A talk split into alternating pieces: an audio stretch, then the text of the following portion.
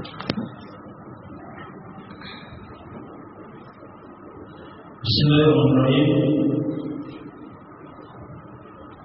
Assalamualaikum warahmatullahi wabarakatuh.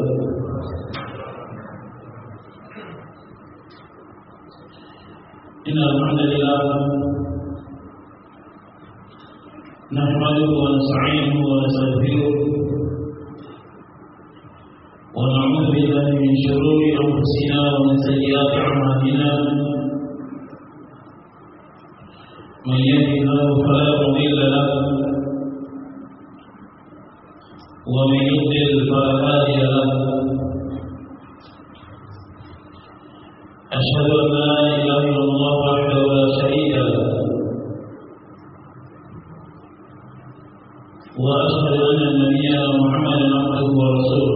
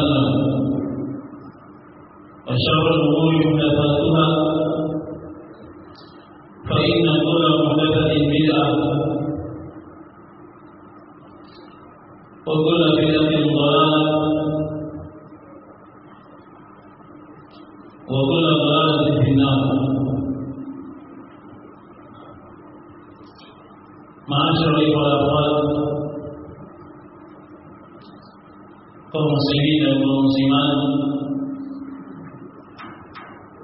إن صلى الله عليه وسلم لم الله سبحانه وتعالى. الحمد لله. إذا بشرت على الله سبحانه وتعالى رب العالمين.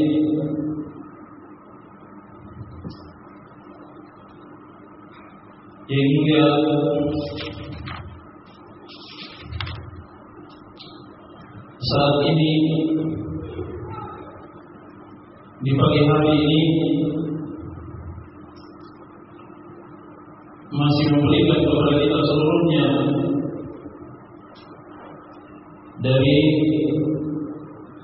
berbagai macam imannya nikmat berupa insan iman Islam takwa hidayah wal irsyad dan juga kita bersyukur kepada Allah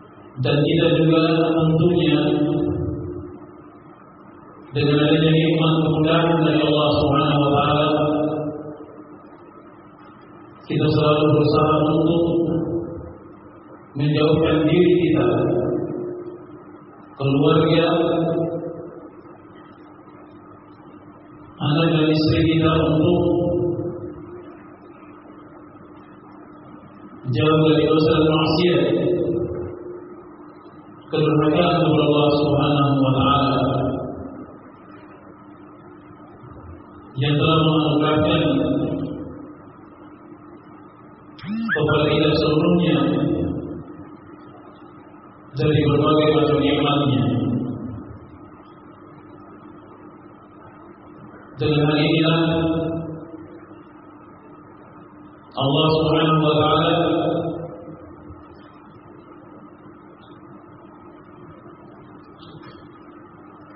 akan memberikan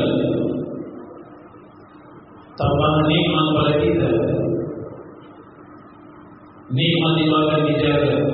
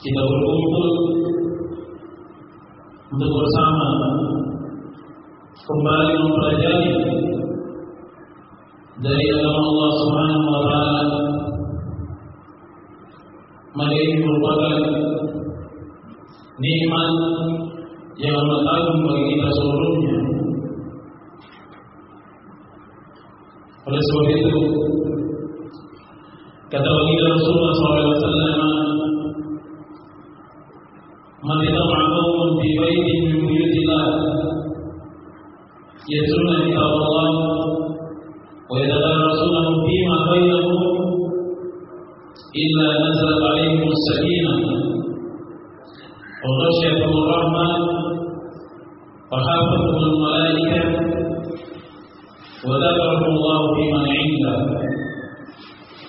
tidaklah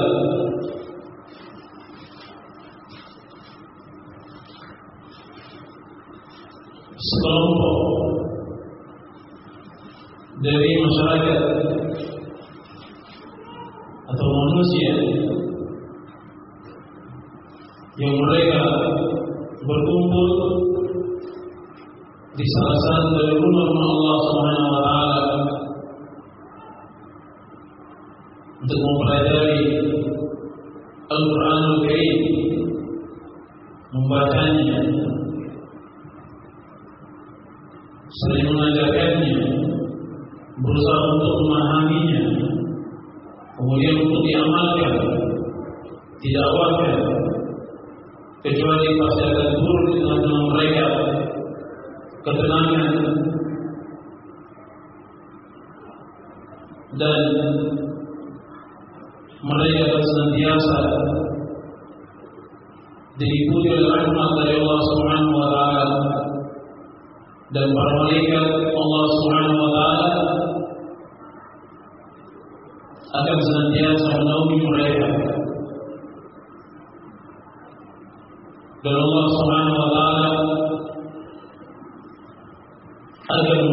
mereka nama-nama mereka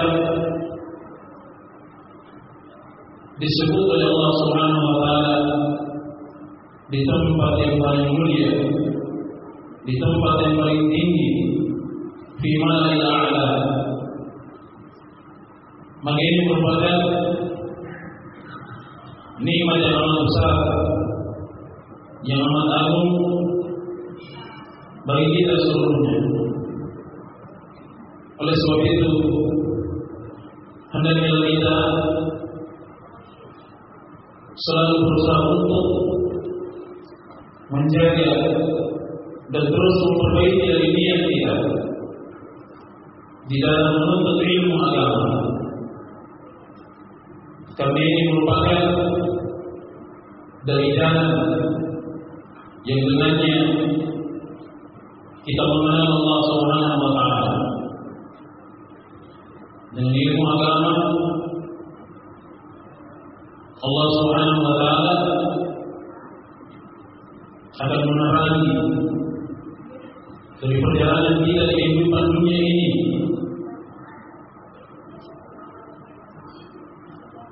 apalagi ketika kita berada di masa atau zaman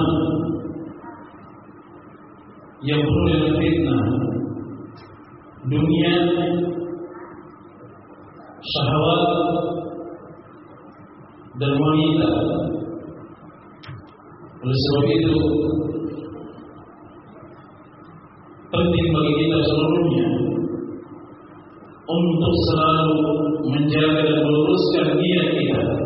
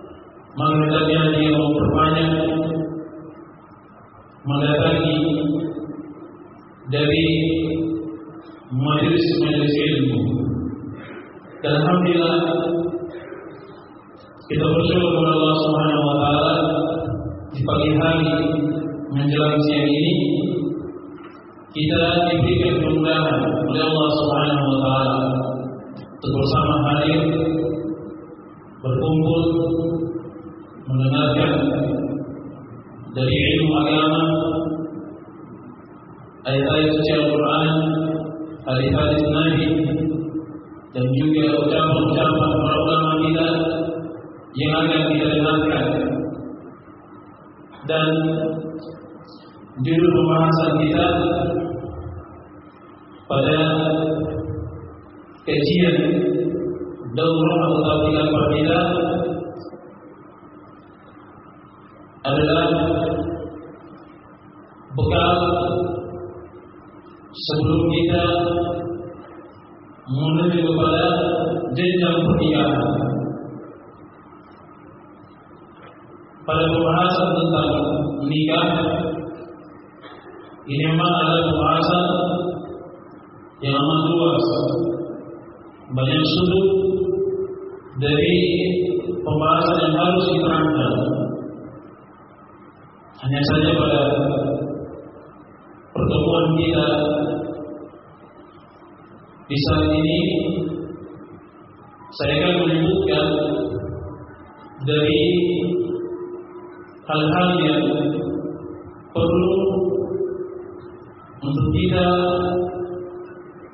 mempelajarinya, mengetahuinya, mengilmuinya sebelum kita menuju kepada jenjang pernikahan. Bahkan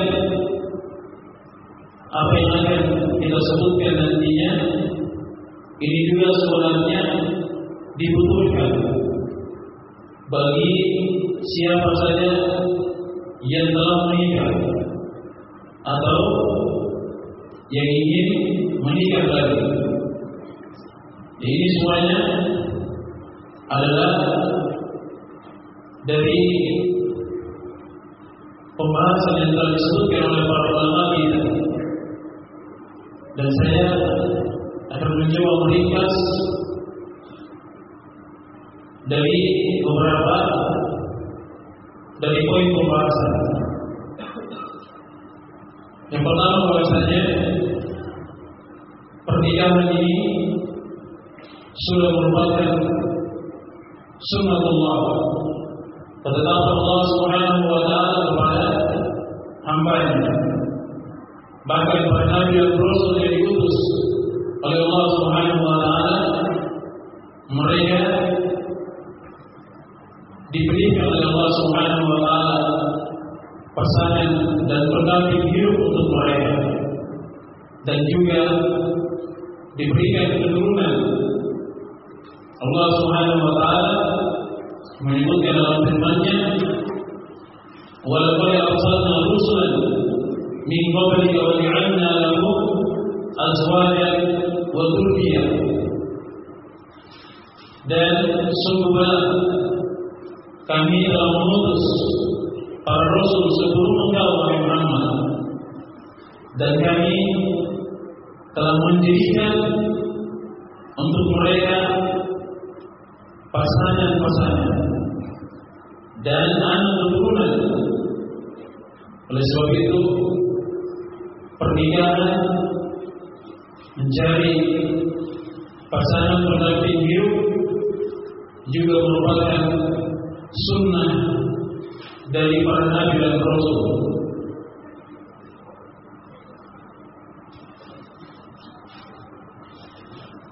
Dan juga dari tanda kebesaran dan keagungan Allah Subhanahu wa taala Allah Subhanahu wa taala menjadikan hamba ini mereka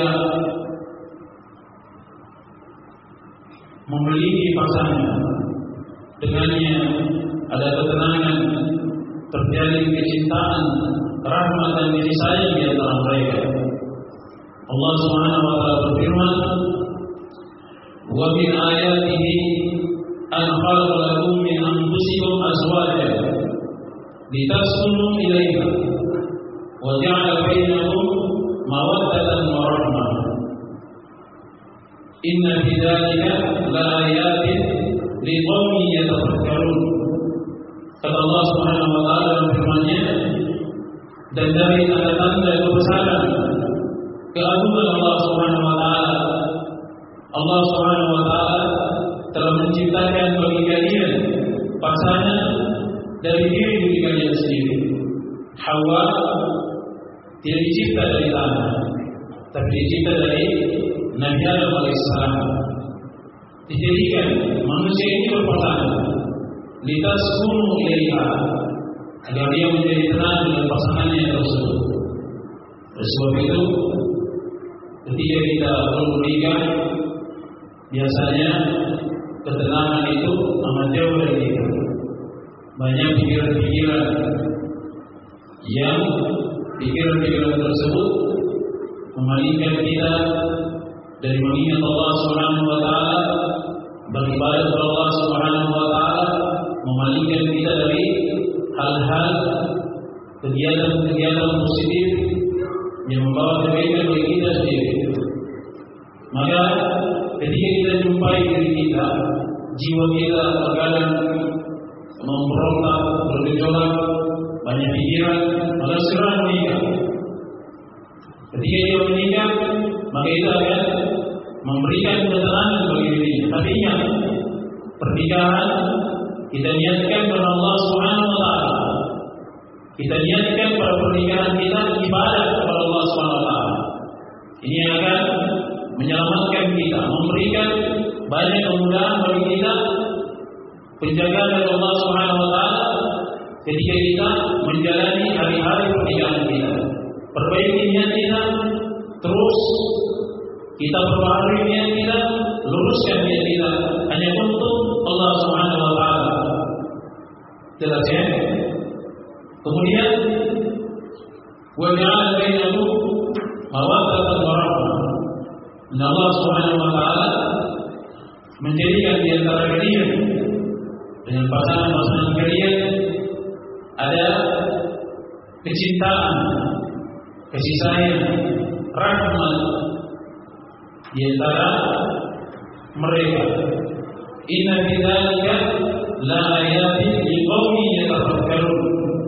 Sesungguhnya hal tersebut padanya terdapat tanda-tanda kebesaran Allah Subhanahu wa taala bagi kaum yang mereka mau berpikir hal tersebut.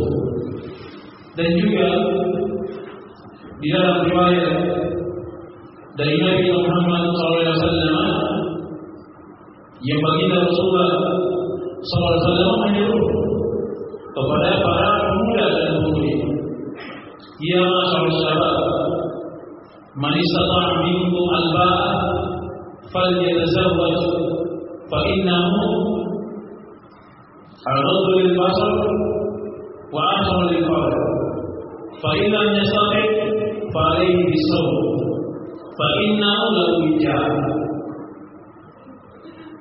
Kata baginda Rasulullah SAW Wahai para pemuda Tentunya para pemudi juga. Siapa saja Di antara kalian Yang sudah Memiliki kemampuan al-ba'ah Yang para ulama kita Ketika Menafsirkan dari hadis ini Kata mereka al-ba'ah Yaitu kemampuan Dari sisi fisik kesehatan. Dia mampu melakukan hubungan suami istri karena itu merupakan maksud dari pernikahan. Agar dia memiliki keturunan. Keturunan tersebut diharapkan menjadi putra dan putri yang solid dan solihah yang akan melanjutkan dari amalan-amalannya. Walaupun dia sudah meninggal, sudah wafat, tapi ketika dia memiliki anak yang soleh dan solehah, maka akan terus mengalir amalan ibadah kepada dirinya. Ini yang diharapkan dari pernikahan. Kemudian dari sisi al-mal harta. Ini juga hal-hal yang perlu untuk diperhatikan. Yang masuk dalam pekerjaan ada yang kita tekuni dari pekerjaan kita jelas ya. Jangan juga kita ingin menikah tapi kita tidak punya ke depan atau tidak ada persiapan kita. Ini harus kita pikirkan. Jelas ya. Karena wanita ini kita nikahi otomatis yang akan menjadi calon mertua kita masih akan bertanya apa? Pekerjaanmu oleh sebab itu kita siapkan dan pekerjaan itu intinya adalah halal. Yang akan membawa kebaikan dan keberkahan. Itu yang menjadi dasar dari pekerjaan kita. Jelas ya? Kalau kita sudah memiliki kemampuan ini fal yatazawwaj maka hendaknya dia menikah. Maka pernikahan ini akan menjadikan dia lebih dapat menundukkan pandangannya. Jelas ya? Lebih menundukkan pandangannya dan juga lebih menjaga kehormatannya. Dengan menikah dia bisa menjaga pandangannya dan juga menjaga kehormatan. Dan tadinya mungkin dia tidak dapat mengontrol dari pandangan matanya. Siapa saja yang lewat, dia seluruhnya, dia semuanya. Jelas ya? Kemudian kehormatannya juga tidak terjaga. Kemaluannya tidak terjaga. Maka ketika dia menikah, maka ini akan menjadikan dirinya lebih terjaga sehingga dia akan lebih fokus untuk beribadah kepada Allah Subhanahu wa taala. Dan ini tujuan dari pernikahan. Bagaimana dengan pernikahannya dia semakin tenang, semakin mantap ibadahnya kepada Allah Subhanahu wa taala, semakin istiqamah dia, semakin taat kepada Allah Subhanahu wa taala, semakin jauh dari dosa maksiat. Tapi kalau misalnya dia sudah menikah, tapi justru dia semakin jauh dari Allah Subhanahu wa taala, semakin malas beribadah, semakin terjauh dalam dosa maksiat. Maka ini harus dia perhatikan kembali niat dari dia. Kemudian dia berusaha untuk segera memperbaiki dirinya, yaitu dengan cara menuntut ilmu agama agar Allah Subhanahu wa taala memberikan cahaya pada dirinya sehingga akan berjalan di atas keridhaan kecintaan Allah Subhanahu wa taala. Harus segera untuk dia perhatikan hal tersebut. Jelas ya? Kalau dia tidak mampu, maka dia berpuasa. Berpuasa ini akan menundukkan pandangannya dan menjaga dari kehormatannya. Disibukkan dirinya dengan ibadah kepada Allah Subhanahu wa taala. Atau kegiatan-kegiatan positif yang lainnya. Yang alhamdulillah sekarang ini yang banyak anak-anak muda yang bergabung di dalam penyebaran dan dakwah ini adalah hal yang disyukuri. Banyak dari kawan-kawan yang mereka menyibukkan diri untuk membantu dari dakwah di dalam Allah Subhanahu wa taala. Ini adalah yang kita syukuri. Jelasnya, sibukkan diri kita dengan kegiatan-kegiatan yang paling tidak bermanfaat untuk kehidupan dunia kita. Sibukkan diri kita. Apalagi kalau kita masih dalam tahap proses belajar anak SMA atau masih kuliah ini ancaman luar biasa untuk terjadi dalam fitnah wanita. Jelas ya? Jangan membiarkan diri kita. Kalau kita sudah ada indikasi dan kita sudah merasakan sesuatu yang tidak baik, segera putus tersebut. Jangan dilanjutkan. Ya? Sibukkan diri kita dengan ketaatan kepada Allah Subhanahu. Cari kawan-kawan atau teman-teman yang mereka sibuk dengan ilmu agama, belajar. Tinggalkan dari teman-teman atau kawan-kawan yang mereka berbicara dari hal-hal yang tidak baik yang akan menjerumuskan kita dalam fitnah. Jelas ya?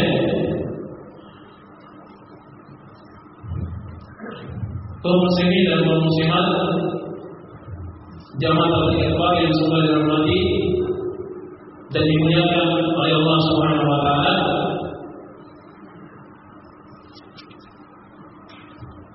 yang namanya pernikahan itu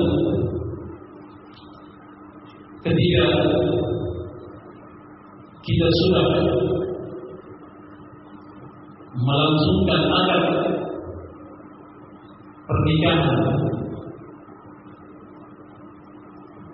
kita sudah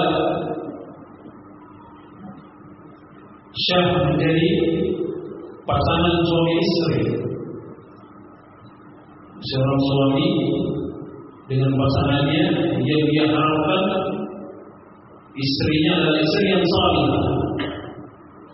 demikian juga seorang wanita yang menjadi istri dia harapkan lelaki yang dia nikahi pasangan hidupnya itu adalah suami yang saleh.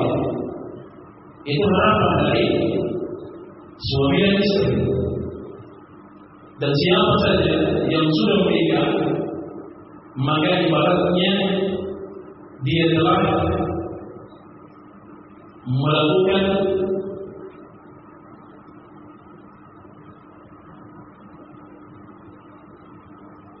sesuatu yang amat besar dalam hidupnya yaitu sebentar lagi dia akan mengarungi lautan samudera yang luas.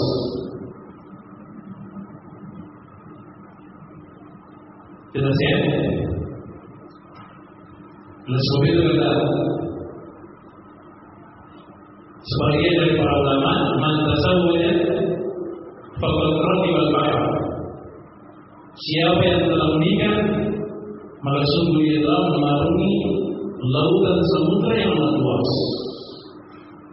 hal yang kita maklumi ketika kita mengarungi lautan atau kita berada di tengah laut maka lautan itu tidak selamanya diam, tidak selamanya tenang. Ada angin badai yang kencang, ada ombak yang besar yang siap menggulung dari perahu atau kapal kita. Demikianlah keadaan kita di dalam pernikahan kita. Oleh sebab itu, kita berusaha untuk dapat menjadi nahkoda yang handal di dalam mengarungi lautan. Itu fungsi dan tugas dari seorang suami kepala keluarga selalu memimpin di tengah keluarganya nanti. Jelas ya? Oleh sebab itu, hal yang perlu kita perhatikan, baik dia seorang lelaki atau dia seorang wanita, ketika dia ingin menikah, maka pilihannya harus adalah orang yang solid untuk para wanita, para akhwat dan lelaki pilihannya adalah wanita yang salihah. Jelas ya? Ini harga mati. Harus kita upayakan, kita usahakan. Bagaimana caranya? Ya bukan caranya langsung di telepon akuratnya atau dengan cara perkenalan dulu lima bulan, tanya-tanya dulu begini dan begitu. Eh, ya bukan seperti itu. Ada mahramnya, ada kawan-kawannya. Yang kita mungkin memiliki saudari atau keluarga perempuan, ya kita bertanya melalui mereka. Jelihat bagaimana keadaan dari wanita yang ingin kita nikahi, yang kita memiliki perasaan dengan wanita tersebut. Berikan kabar begini dan begitu. Sepanjang yang memberikan kabar adalah orang yang terpercaya dan kita memang memiliki niat untuk menikah, ya silahkan kita nikah. Tapi perhatikan kesalihan dan kesolihatannya. Jelas ya? Karena ini akan menjadikan keluarga itu banyak kebaikan dan keberkahannya dan akan mendapatkan penjagaan dari Allah Subhanahu wa taala. Ya, terlalu banyak pernikahan yang sekarang ini hanya berjalan beberapa bulan saja. Tidak sampai satu tahun. Ada yang hanya berapa pekan saja. Bahkan ada yang hanya beberapa hari saja. Kemudian sudah bercerai, sudah berpisah. Itu artinya belum matang dari persiapannya, dari sisi niatnya, dari sisi mentalnya, kemudian dari sisi ilmu agamanya, kemudian persiapan-persiapan yang lainnya yang akan kita jelaskan nantinya. Ini adalah hal yang menonton bagi kita. Ketika kita ini menikah, perhatikan kesolihan dari calon suami yang ingin kita nikahi. Perhatikan kesolihatan dari calon istri yang ingin kita nikahi. Perhatikan, jelas ya. Dan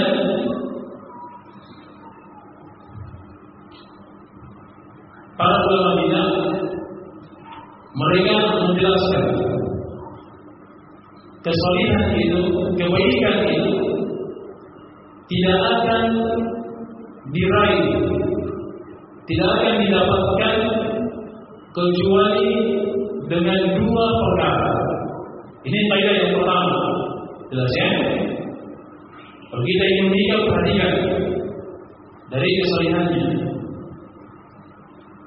Dan kebaikan kesalihan ini tidak akan diraih, tidak akan didapatkan kecuali dengan dua perkara. Yang pertama adalah tauhidullah. Tauhid dari Allah Subhanahu wa taala. Dan hidayah dari Allah Subhanahu wa taala. Kebaikan bagi seorang suami kebaikan bagi seorang istri itu taufik pemberian dari Allah Subhanahu wa taala yang menjadikan ya, seorang suami itu taat beribadah dia perhatikan dari kewajibannya kepada Allah Subhanahu wa taala kemudian dia seorang suami yang dia memperhatikan dari kewajibannya sebagai kepala rumah tangga. Maka itu semuanya taufik dari Allah SWT.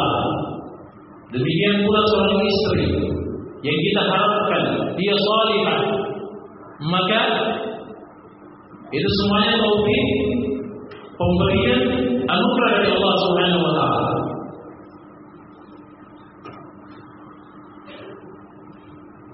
Jelas ya? Oleh sebab itu, kita dituntut agar kita selalu meminta berdoa kepada Allah Subhanahu wa agar kita diberikan pasangan yang solid, pasangan yang baik agamanya, kemudian baik dalam berkomunikasi kepada kita atau kepada keluarga kita. Karena ketika kita menikah, maka itu bukan sekedar terbatas sama suami dan istri saja. Maka dia telah mempertemukan dua keluarga besar. Maka ini adalah hal yang penting bagi dia. Bagaimana suaminya dia pandai berkomunikasi dengan dia dan juga dia bisa berkomunikasi dengan keluarganya, ayah dan ibunya, saudara saudarinya. Demikian juga dia seorang istri. Harus juga dia pandai berkomunikasi dengan kerabat dari suaminya. Ini harus diperhatikan di dalam menjalani kehidupan rumah tangga. Dan itu semuanya taufik dari Allah Subhanahu wa. Oleh sebab itu kita selalu minta kepada Allah Subhanahu wa kita diberikan taufik, diberikan pertolongan, diberikan penjagaan, diberikan kemudahan oleh Allah taala. Allah taala menyebutkan dalam firman-Nya, "Man yahdihillahu fahuwal muhtadi, wa man yudlil falan lahu waliyyan mursyida." Siapa saja yang Allah Subhanahu wa taala berikan petunjuk kepada dirinya, maka dia adalah orang yang mendapatkan petunjuk. Dan siapa saja yang Allah Subhanahu wa taala sesatkan, maka dia akan mendapatkan untuknya wali penolong yang akan memberikan bimbingan kepada dirinya. Jelas ya? Jadi hidayah taufik agar kita berada di atas kebaikan, kesalihan, kita dapat menjalankan perintah ibadah Allah Subhanahu wa taala, jauhi dosa larangan Allah Subhanahu wa taala itu murni pemberian dari Allah Subhanahu wa taala. Terkadang kita rajin hadir di majelis ilmu. Kita datang di tempat-tempat pengajian. Kita dengarkan dari ceramah-ceramah ustaz-ustaz kita. Mungkin melalui rekaman. Kita sering membaca dari nasihat-nasihat petua-petua dari guru-guru kita, ustaz-ustaz kita, ulama-ulama kita. Tapi apakah kita dapat menjalankannya?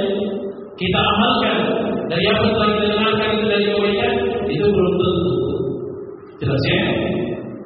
Ada orang yang senang mengenalkan media, suka membaca dari petua-petua agama nasihat-nasihat agama. Tapi hanya sekedar hobi dan kesenangan saja. Amalannya jauh dari itu semua. Ya? Apalagi ketika dia berada dalam kesendiriannya, dalam kamarnya, tidak ada kawannya kecuali HP-nya. Oh, sudah selesai hidupnya. Jelas? Maka minta pertolongan penjagaan kepada Allah taala, minta taufik dari Allah taala. Selalu kita memohon kepada Allah taala. Terlalu banyak orang-orang yang kelihatannya baik, tapi sebenarnya dia jauh dari makna kesolidan. Dia jauh dari ilmu agama yang telah dia dengar, yang telah dia pahami. Oleh sebab itu, kita terus berupaya minta kepada Allah SWT. Dalam salat kita sering kita minta. Ia itu, wa ia kena sa'in. Ia itu, wa ia kena sa'in. Paling tidak kita ulangi tujuh sekali dalam salat kita siang dan malam. Dalam ya, dan sering ucapkan ini hanya kepada Allah kami memohon apa hanya kepada Allah kami beribadah dan hanya kepadamu kami mohon pertolongan minta pertolongan kepada Allah Subhanahu wa taala Ihdina siratal mustaqim kita minta agar kita ditunjukkan oleh Allah Subhanahu wa taala jalan yang lurus Jelas ya? Kita terus meminta kepada Allah Subhanahu wa taala.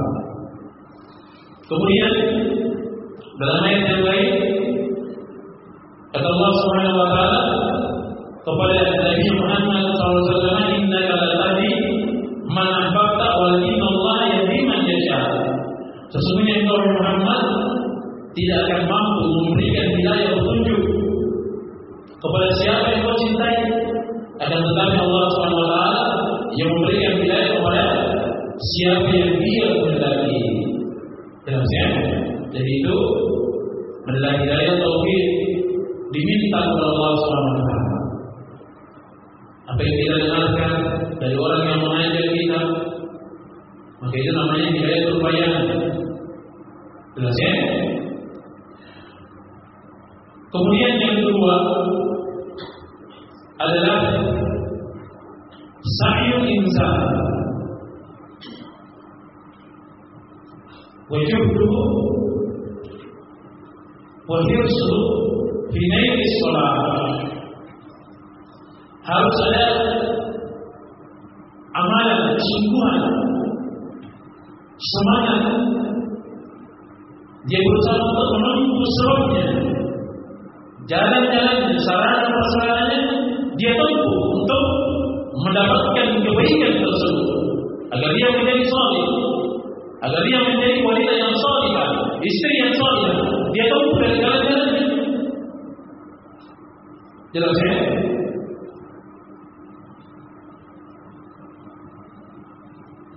di antara jalannya adalah dia rajin menuntut ilmu yang dia bersemangat itu jalan sebab yang terbesar yang akan menjadikan dirinya lelaki yang soleh dan wanita yang soleh ada keinginan yang terlihat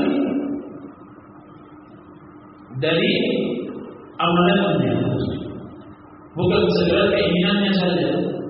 Saya ini sudah mau baik tapi tidak mau pergi menuntut ilmu mau mendengarkan nasihat-nasihat agama. Saya ini yang mau baik ini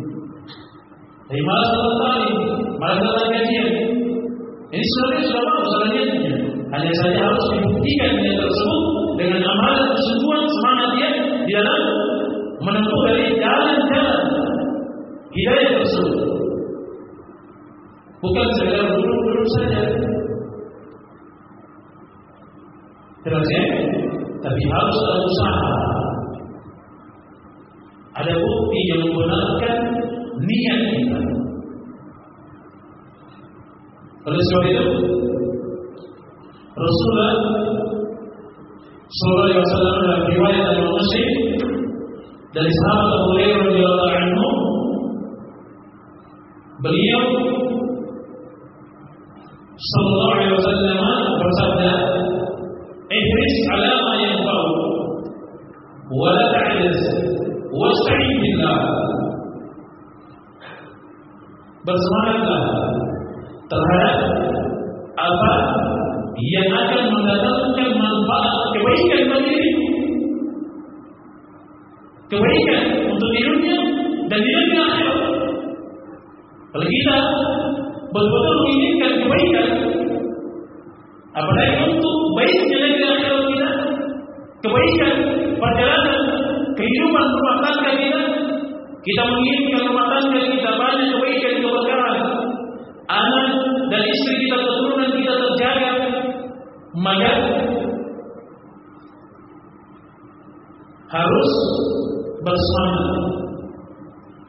lakukan.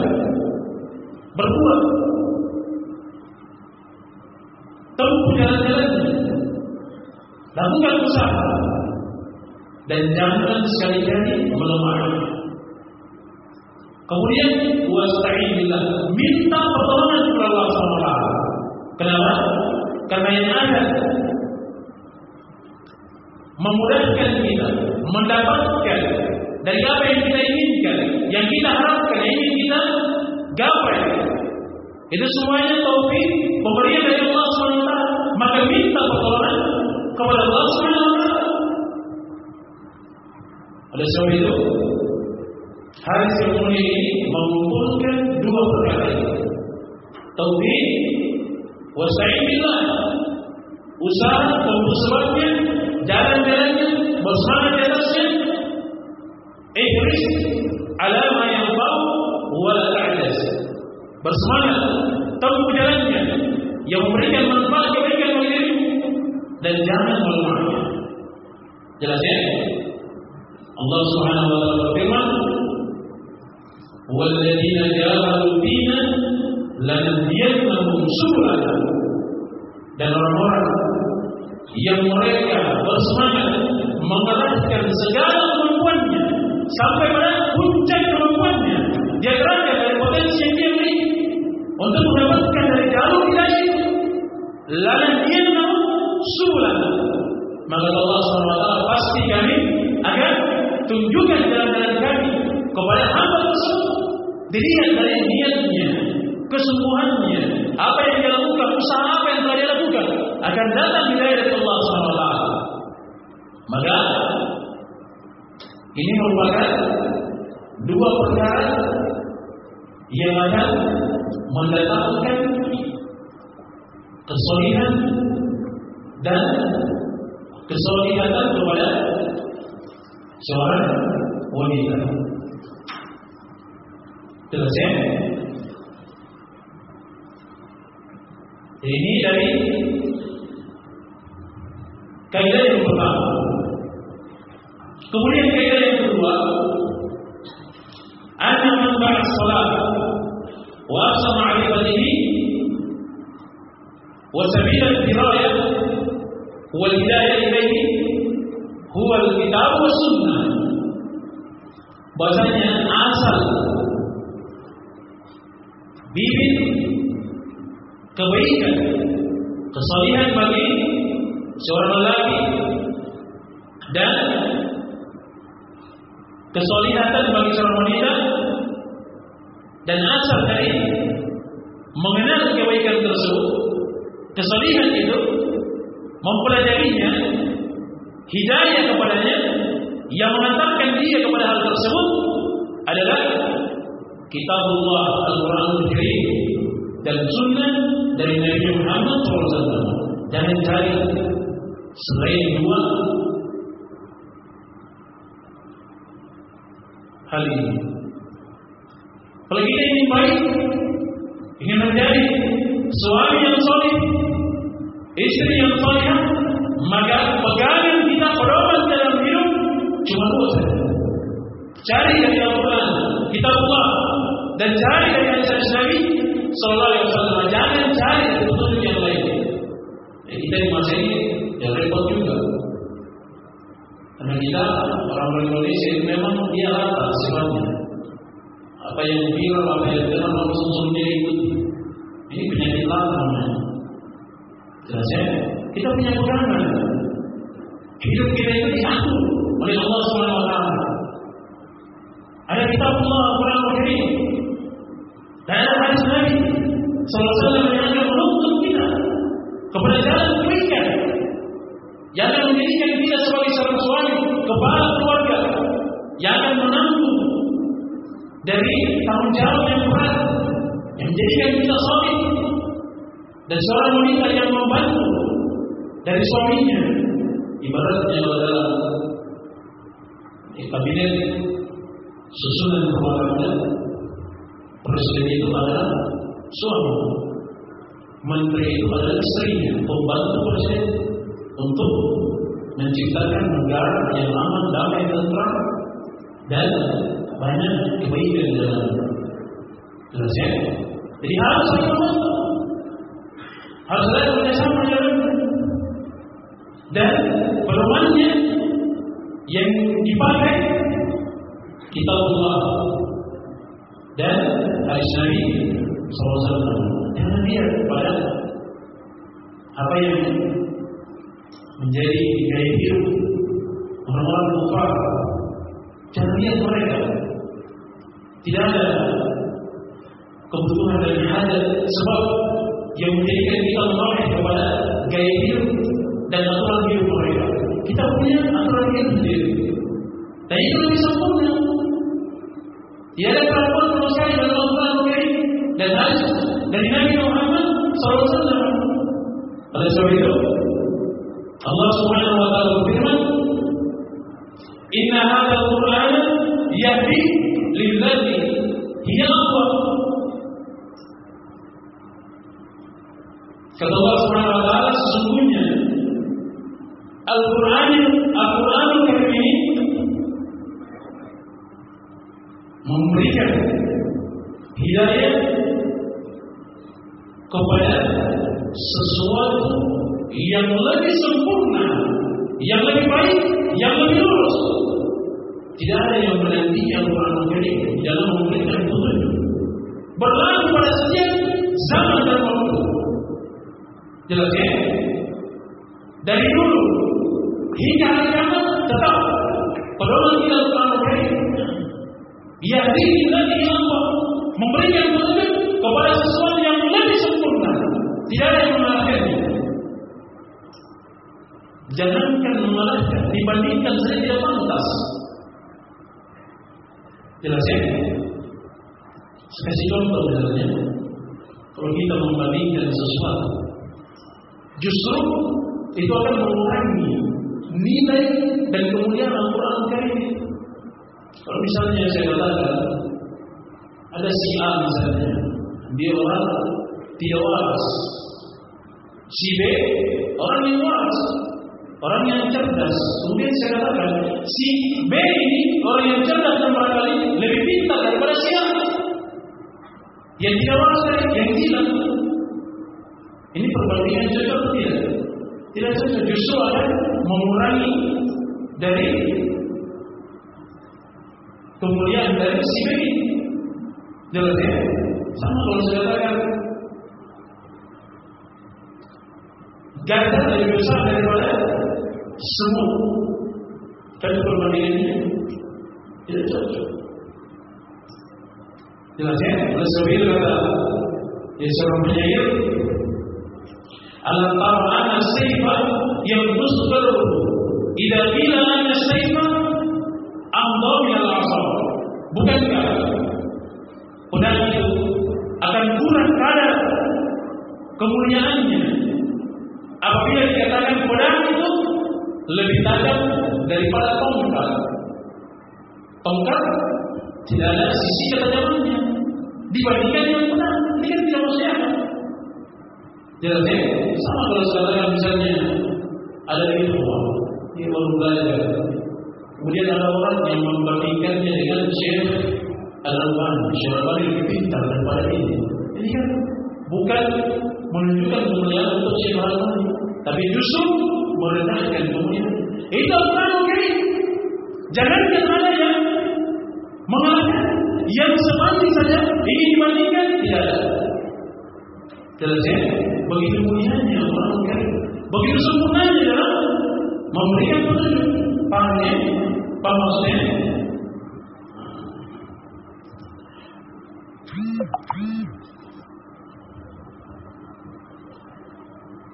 Oleh sebab itu kata Al-Imam Ibn Kathir Ta'ala di dalam tafsirnya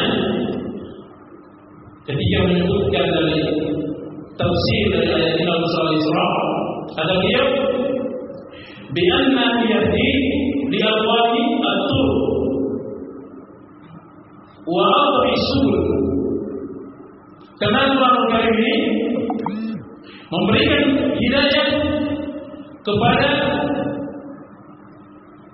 jalan-jalan yang amat sempurna, yang sangat lurus.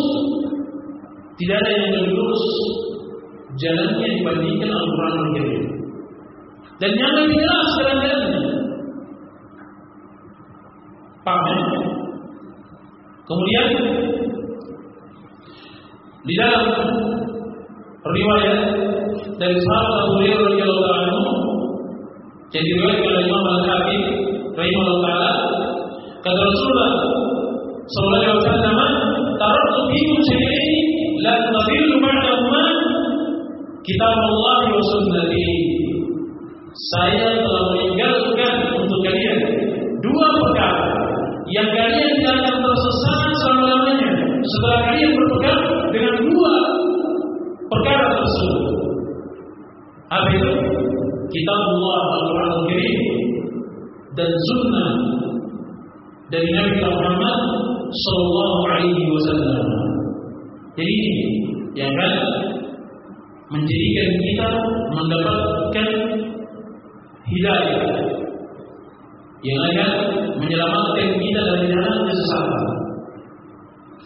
Jelas ya? Jadi petunjuk kita dari kitab Allah Al-Quran Al-Karim dan sunnah dari Nabi Muhammad Sallallahu Alaihi Wasallam. Paham ya? Kemudian kaidah yang ketiga. Kaidah yang ketiga adalah tahqiqu taqwallah. Mewujudkan ketakwaan kepada Allah Subhanahu wa taala. Dan ini merupakan asas, dasar dan pijakannya yang segala ketaatan, segala keutamaan, kesempurnaan itu semua terbangun di atas asas ketakwaan ini. Ketika kita ingin menikah, maka perbaiki ketakwaan kita kepada Allah SWT. Kita seorang calon suami, perhatikan ketakwaan kita kepada Allah SWT. Bagaimana keseriusan kita di dalam menjalankan perintah Allah SWT. Bagaimana dari amalan kita di dalam menjauhkan diri kita dari dosa dan maksiat kepada Allah Subhanahu wa taala. Maka ini selalu kita berusaha dalam hidup dan kehidupan kita di dunia ini. Jelas ya? Ini asal dan asas dari banyaknya kebaikan, kemuliaan, kesempurnaan yang dengan ketakwaan kepada Allah Subhanahu wa taala. Ketika kita sudah menikah, kemudian ada problem, masalah yang kita hadapi, maka hadapi dengan takwa kepada Allah Subhanahu wa. Itu jalannya. Allah Subhanahu wa taala berfirman, "Wa may yattaqillaha yaj'al lahu makhrajan wa yarzuqhu min haitsu la yahtasib." Siapa saja yang bertakwa kepada Allah Subhanahu wa taala, jalankan perintah Allah Subhanahu wa taala, ada kewajibannya, jalankan hal tersebut, jauhkan diri kita dari dosa maksiat, jaga keluarga kita, anak dan istri kita. Maka kata Allah Subhanahu wa taala, Allah akan mengadakan solusi jalan keluar bagi setiap problem dan masalah yang dia hadapi. Dan ditambah lagi Allah SWT memberikan rezeki kepada dirinya dari arah yang tidak pernah dia sangka. Jelas ya? Kalau pemahaman kita rezeki itu cuma duit saja, uang, itu rezeki itu. Padahal ketika kita hidup berumah tangga bukan saja yang kita harapkan dari Allah SWT. Bukan hanya sekedar uang saja, harta dan duit saja bukan itu. Yang menjadikan seorang kepala rumah tangga dia berwibawa di tengah keluarganya adalah dengan ilmu agama. Dan ini merupakan rezeki dari Allah SWT yang amat agung bagi seorang suami. Jelas ya? Dan seorang istri juga harus pahami itu. Kalau kita punya istri, kita kasih uang saja, uang terus, uang terus, uang terus. Jelas ya? Kita tidak akan berwibawa di hadapan istri kita, di hadapan anak-anak kita. Ketika suatu saat kita punya masalah dalam pekerjaan, terputus dari kebiasaannya itu, kita berikan dia, kita berikan. Ketika dia sudah terbiasa dengan hidup mewah, mendapatkan hal yang berlebih, maka biasanya sulit bagi dirinya untuk menerima kita. Mungkin bisa saja kadar cintanya, keharmonisannya kepada kita akan berkurang. Jelas ya? Tapi kalau ilmu agama yang kita berikan, kita akan berwibawa terus di hadapan istri kita. Ketiga, kita sanggup memberikan nafkah kepada dia, maka yang ada dia akan harap dengan kesyukuran. Karena ilmu agama yang kita berikan. Ketika kita diuji dari sisi nafkah rezeki kita, maka dia akan harap dengan apa? Dengan kesabaran. Karena ilmu agama yang kita tanamkan, yang kita sering berikan kepada istri kita. Jelas ya? Itu kuncinya. Tapi kalau uang, nah, selesai itu. Tak ada uang memang ditentang. Tapi ya, insya Allah para awal yang belajar baik-baik, ikhlas, salat Allah dia akan yang menerima segala sesuatunya dengan ilmu agama. Jelas ya? Tapi yang juga suaminya malas-malas untuk bekerja, kemudian diwasiatkan untuk bersabar saja sama istrinya, tidak juga seperti itu. Jelasnya, tapi kita berusaha. Sedikit akan menjadi banyak kalau kita syukur. Banyak akan menjadi berberkah kalau kita syukur. Jelasnya, namanya kehidupan itu tidak selamanya kita mendapatkan iman terus. Mesti suatu saat kita akan diuji dengan musibah. Paham ya? Maka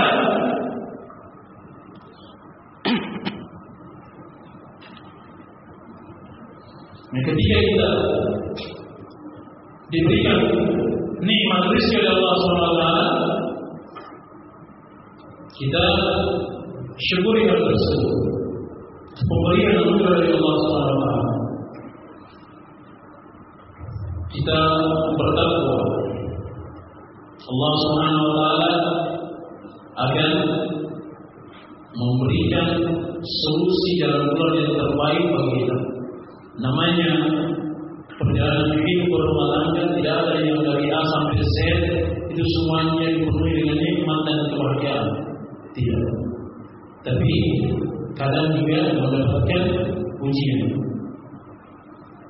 Maka ketika dia bertakwa di sana akan terlihat dari kebaikan-kebaikan, keberkahan-keberkahan nikmat dari Allah SWT, rizki dari Allah SWT. Jangan selalu menganggap rizki itu hanya berupa harta dan duit. Jelas ya? Suami kita soleh itu rizki dari Allah SWT. Nikmat yang besarkan. Istri kita soleh itu nikmat rizki dari Allah SWT. Ketika kita mensyukurinya, maka akan terbuka jalan-jalan yang lainnya, nikmat-nikmat yang lainnya. Paham ya?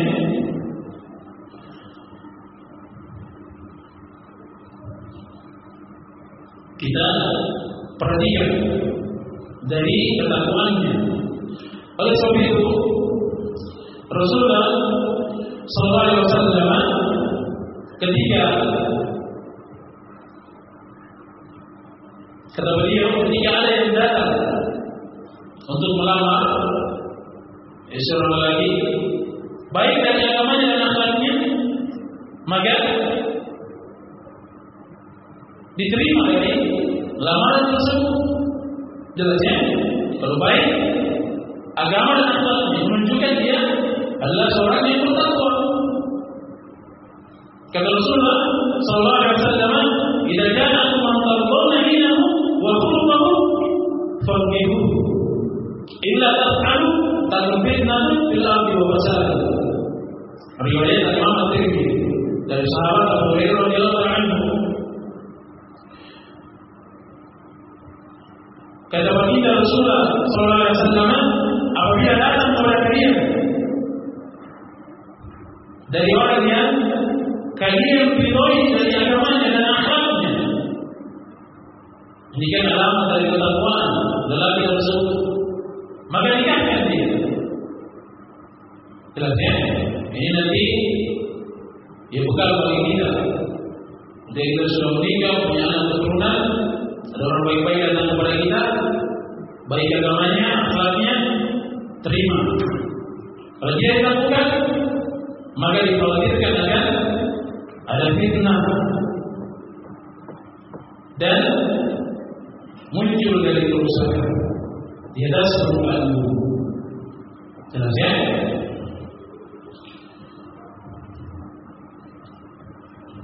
Karena kalau eh, seorang suami dia adalah suami yang bertakwa, suami yang saleh, suami yang giat menuntut ilmu agama, yang semangat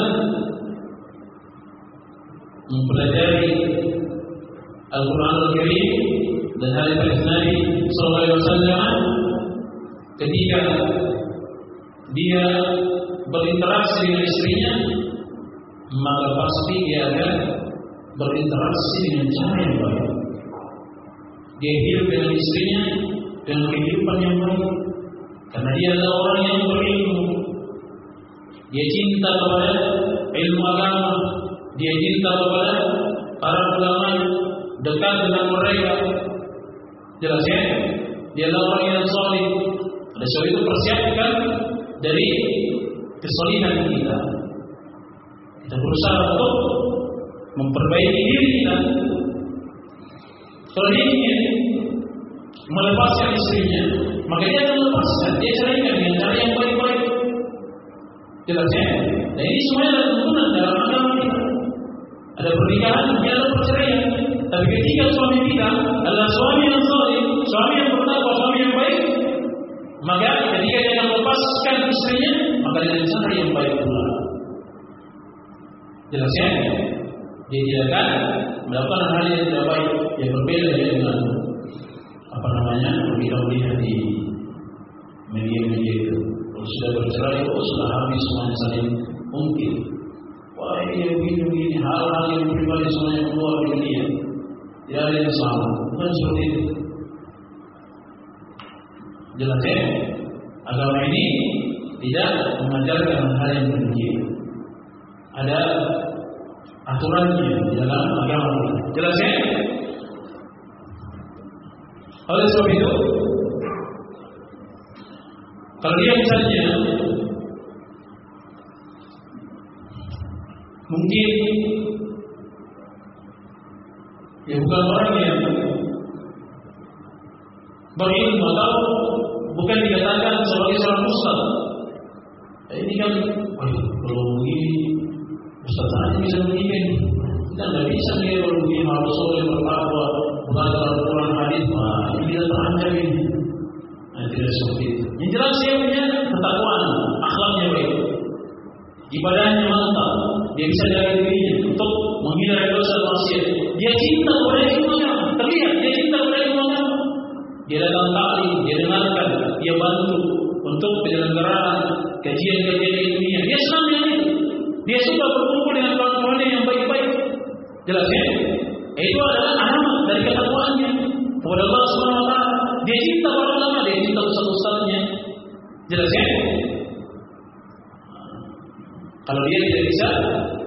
belajar khusus misalnya. Oleh sebab itu, ketika kita diberikan nikmat oleh Allah Subhanahu kita bisa datang ke tempat kajian berkawan dengan orang-orang yang baik yang solid, maka syukur nikmat dari Allah Subhanahu tersebut. Ya? Ada satu ketiga yang datang kepada Al Hasan bin Ali radhiyallahu anhu.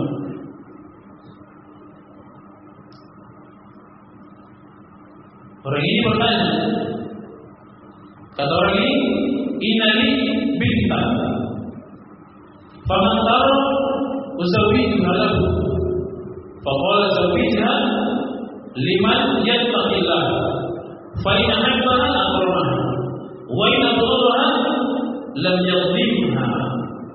Di dalam al-Qiyah Libnya Bitunya dan juga dalam Syarul Sunnah Lil Orang ini bertanya kepada Al Hasan bin Ali radhiyallahu anhu Bagaimana pendapatmu? Saya memiliki anak perempuan. Siapa yang jaga untuk saya nikahkan saya serahkan amanah untuk menjaga putriku. Maka kata Al-Hasan bin Ali radhiyallahu anhu, "Zawijha liman yattaqillah." Nikahkan dia kepada orang yang bertakwa kepada Allah Subhanahu wa. Jelas ya? Kita lihat dia adalah orang yang baik akhlaknya. Ya, rajin sholat di masjid. Tapi kalau sholat subuhnya jam delapan marah. Ini masalah luar biasa. Jam sholat subuhnya jam sembilan langsung disambung dengan sholat duha. Wah, ini masalah besar. Ya? Dia adalah orang yang bertakwa. Orang yang baik akhlaknya, agamanya, bertakwa kepada Allah Subhanahu wa taala. Nikahkan dia kepada orang tersebut. Kenapa? Kalau dia cinta kepada putrimu, Abdurrahman, maka dia akan pasti memuliakan. Dia akan jaga dari hak-haknya, dia akan berikan. Wa inna Allah kalau dia benci, lam yadhlimha. Dia akan menzaliminya. Jelas ya? Dia akan menzaliminya. Kenapa? Karena dia orang yang bertakwa. Dia khawatir ketika dia menzalimi orang lain, pasti Allah SWT akan meminta pertanggungjawabannya nanti di nanti akhirat. Maka kita nikahkan dengan orang yang baik dari agamanya, yang bertakwa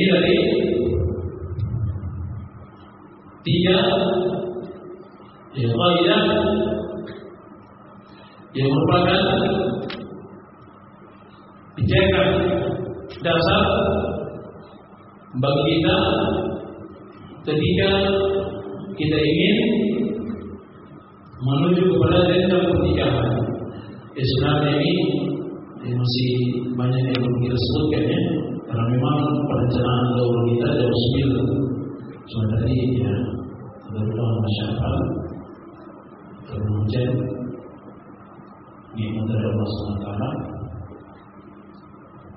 sehingga mungkin ada lambat tidak berkumpul. Ya. tapi insya Allah mungkin ya, anggap saja ini daurah pranika sesi pertama. Mungkin suatu saat nanti kita akan buat lagi untuk sesi yang kedua tahapan yang kedua. Karena masih banyak hal yang kita belum sebutkan ya ini baru awal-awal.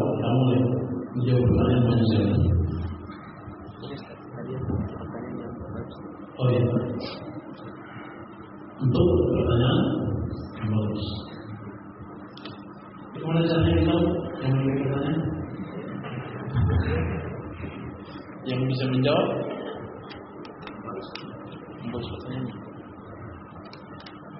Di panitia Alhamdulillah menyiapkan hadiah bagi siapa yang bagus pertanyaannya. Tapi saya tidak tahu bagaimana cara mengetahui siapa yang bagus pertanyaannya karena ini pertanyaannya melalui kertas. Ini hadiahnya zikir pagi dan petang. Ini bagus ya penjagaan benteng seorang muslim dan muslimah. Zikir kepada Allah.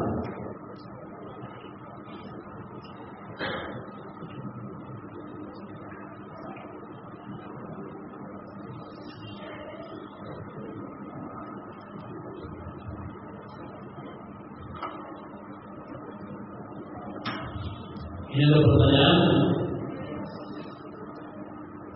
Apa bagaimana jika mantan akhwat yang ingin kita nikahi dulu mengundang kita di acara pernikahannya? Apakah kita tetap datang? Berat rasanya hari ini melihatnya bersama yang lain. Ya, ini masalah pribadi.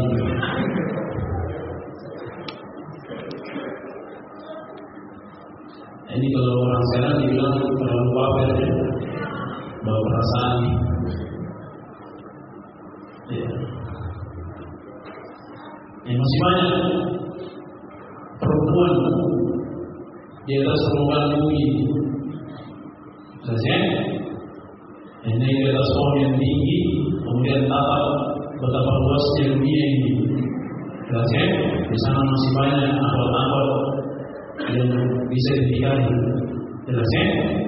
Kalau kita diundang dan kita mungkin orang yang diharapkan untuk hadir dari keluarganya, maka kita datang kepada undangan tersebut. Jelas ya? Kalau supaya jangan berat, cepat menikah. Jelas ya? Cepat menikah. Dan sibukkan diri dengan hal-hal yang memberikan manfaat untuk kehidupan akhirat kita. Paling tidak untuk kegiatan-kegiatan positif yang berkaitan dengan dunia kita. Sibukkan diri kita dengan mengingat Allah SWT. Perbesar rasa cinta kita kepada Allah SWT, maka ini akan menggugurkan kecintaan kita kepada sesuatu yang tidak baik. Jelas?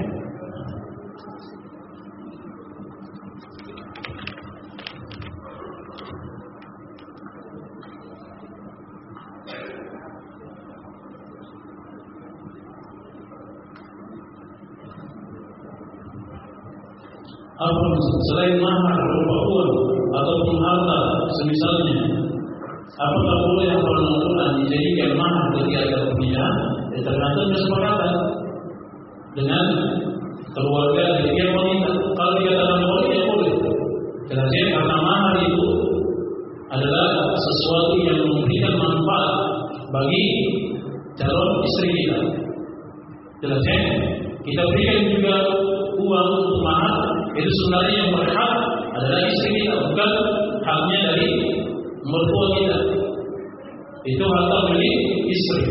Jadi kalau apa bulan yang menjadi maharnya itu tanggung jawabnya nanti dia ajarkan dari hafalan Al-Quran tersebut yang menjadi maharnya. Nah, ini soal mana? Datang dalam ya, kisah para sahabat kalau dikatakan umum oleh seorang sahabat dia datang kepada Nabi Sallallahu Alaihi Wasallam yang dia tidak memiliki harta apa pun.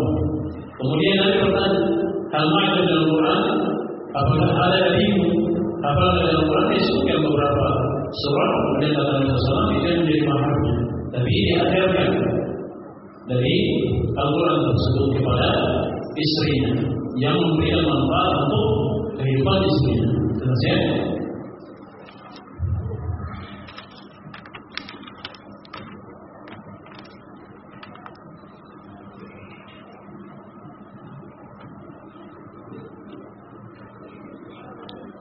Bagaimana membedakan jawaban istikharah dan waswas syaitan ketika hendak menikah?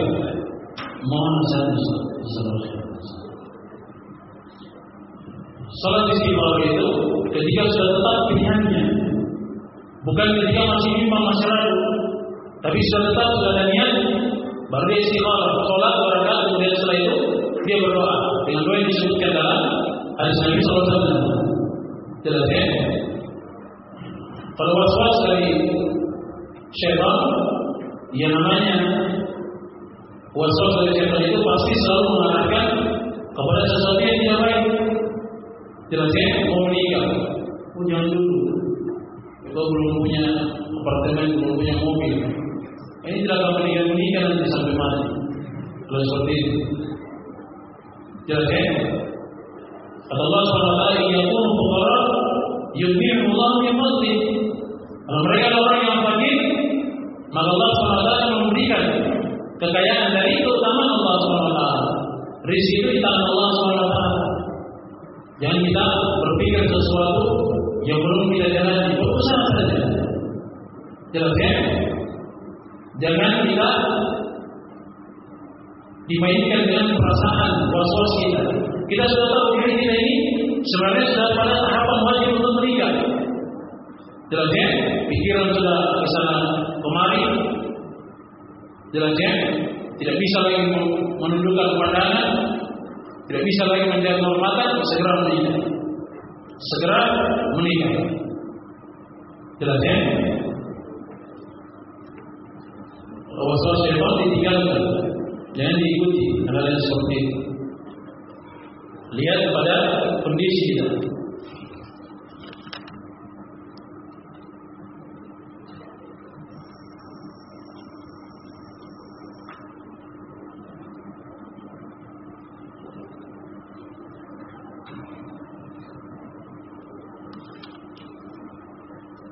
Berapa lama menunggu keputusan setelah nazar? Setelah nazar sesuai dengan syariat dan apakah seorang akhwat memulai untuk meminta keputusan dari pihak ikhwan? Ini dia tergantung dari kesepakatan dari walinya. Jelas ya?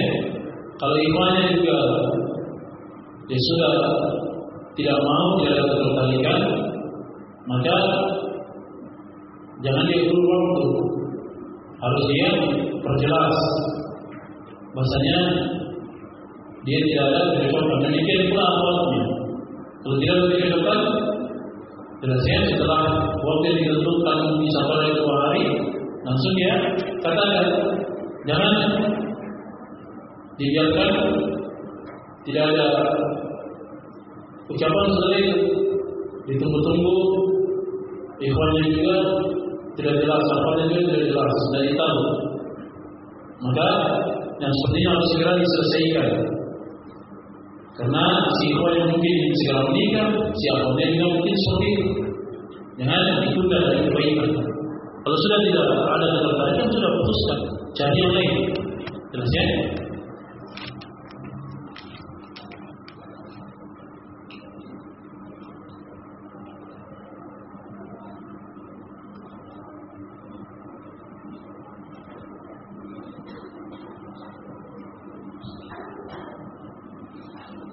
Bagaimana melihat keadaan?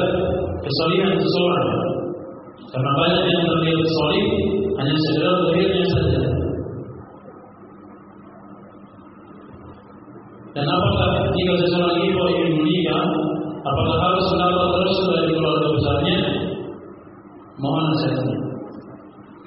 Yang pertama bahasanya, ya kesolihannya dilihat dari amalan yang zahirnya saja ketakwaannya kepada Allah SWT. Jelas ya?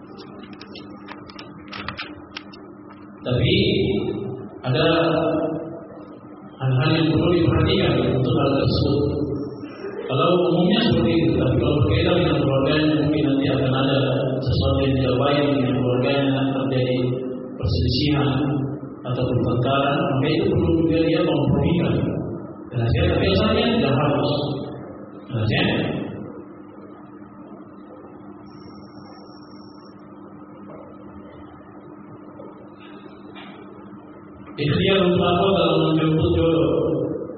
Apa yang harus dilakukan? Itu tadi perbaiki niat, banyak berdoa, perbaiki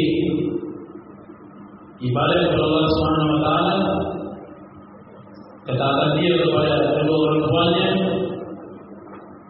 kemudian berarti menuntut ilmu agama. Jelas ya?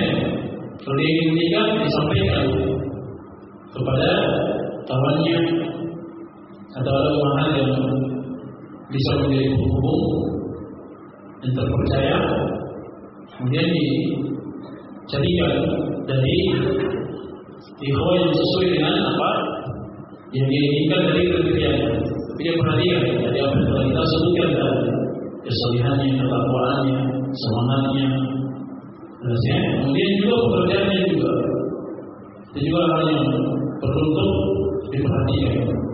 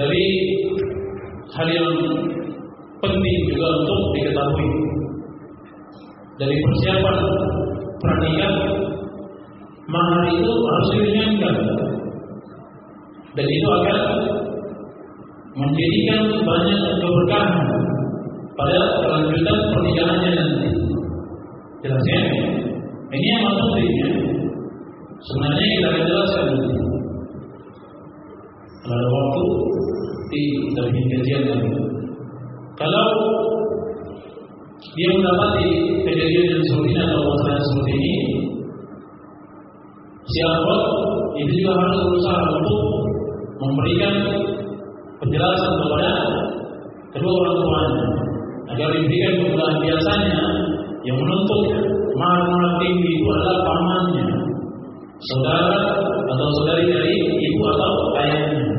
Biasanya seperti itu. Ada seorang anak dia perlu juga untuk berkomunikasi dengan kedua orang tuanya. Dia sadarkan bahasanya semakin ringan dari itu umpamanya dengan mahar ya, semakin ringan dari maharnya itu akan semakin membawa keberkahan. Kalau terlalu besar uang panainya, biasanya yang terjadi di kalangan orang-orang awam itu, itu biasanya diutang juga. Acaranya meriah ya. Dia tuntut lagi-lagi yang besar uang panainya kenapa? Karena keluarga siapa ini ingin memeriahkan pesta pernikahan itu. Akhirnya dia sewa ini, dia pakai ini, pakai itu. Untuk orang-orang awam lagi ada levelnya lagi. Jelas? Ada acara-acara hal yang digunakan dalam syariat. Itu sebenarnya hal yang seperti itu. Ketika sudah menikah ya untung kalau kembali modal kalau tidak bagaimana nanti suami istri. Tambah sulit lagi nanti. Dia akan membayar lagi ya, utang-utangnya mendingan dipakai uang itu untuk diberikan kepada anak-anak yang tersebut untuk membantu pernikahannya nanti keluarga dan ketika awal pernikahan kalau dia baik bagus sesuai dengan tuntunan syar'i maka ini yang akan menjadi sebab yang terbesar menjadikan kehidupan rumah tangganya ke depannya itu akan baik. Banyak kebaikan dan keberkahan tapi kalau sudah dari awal banyak kemaksiatan dilakukan. Acara-acaranya banyak hal yang tidak baik maka ini juga akan menjadi sebab agar sulitnya, beratnya, banyaknya masalah yang akan dihadapi ketika dia menjalani pernikahan. Maka sejak dari awal itu sudah diperbaiki, diusahakan sebisa mungkin, semampu mungkin acara pernikahan tersebut sesuai dengan tuntunan syar'i agar memberikan kemudahan banyak kebaikan dan keberkahan ketika anak-anaknya tersebut sudah bisa dari kehidupan kedua orang tuanya. Dia akan hidup sendiri nanti. Jelas ya? Itu juga harus jadi pikirkan. Kemudian yang menjadi penghubung juga dari pihak kedua, itu juga punya peran juga kepada keluarga perempuan. Jelas ya? Mungkin dia bisa komunikasi dengan baik agar diringankan dari uang panai ini. Biasanya maharnya ya murah tapi uang panennya besar. Jelas ya, maharnya mungkin cuma 3 juta, uang panennya sampai 30 juta, 50, 70. Nah, ini berat sekali. Nah, ya, nanti banyak yang tidak menikah. Akhirnya cari jalan pintas, yaitu dengan cara apa? Melakukan dulu. Setelah melakukan, nanti akan dipermudah. Nah, biasanya seperti itu. Itulah kalau melanggar aturan syar'i, ujung-ujungnya seperti itu. Itu banyak kejadian yang terjadi seperti itu. Ya? Dan sebab itu ini manfaat dari apa gunanya kita belajar untuk ilmu agama kita semakin baik dalam perjalanan kehidupan kita kehidupan dunia ini mungkin yang saya sampaikan pada pertemuan kita di siang hari ini semoga Allah kita seluruhnya dan semoga Allah SWT menjadikan kita seluruhnya dari hamba-hamba yang solid yang solihah dan semoga Allah SWT menjaga kita dari ketakwaan kepadanya menjaga ibadah kita dan semoga Allah SWT menerima dari seluruh amalan kebaikan kita melipat gandakannya mengampuni dan menggugurkan dari seluruh dosa dan kesalahan kita mungkin saja bisa saya sampaikan yang selebihnya yang saya serahkan kepada ya, MC kita Jazakallah khairan. Baik, Alhamdulillah baru saja kita telah selesai mendengarkan materi yang disampaikan oleh Al-Ustaz Ilham Allah Ta'ala. Kami ucapkan jazakumullah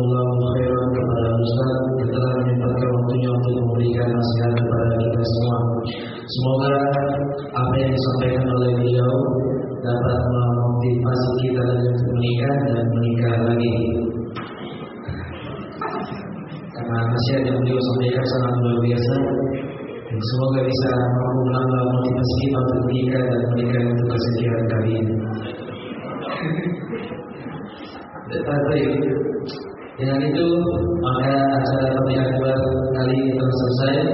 Kami selalu berdia mohon maaf jika terdapat banyak kekurangan pada acara hari ini. Dan insya Allah eh, ini akan ada perduanya karena semua materi tadi belum sempat dijelaskan oleh Ustaz. Insya akan dikonfirmasi secepatnya. Baik, semoga Allah senantiasa memudahkan kita untuk melakukan amalan kebaikan di mana pun kita berada dan semoga yang belum menikah bisa segera menikah dan semoga yang telah menikah bisa menikah untuk kesekian kali kali. Subhanallahumma wa bihamdik asyhadu an la ilaha illa anta astaghfiruka wa atubu ilaik. Assalamualaikum warahmatullahi wabarakatuh.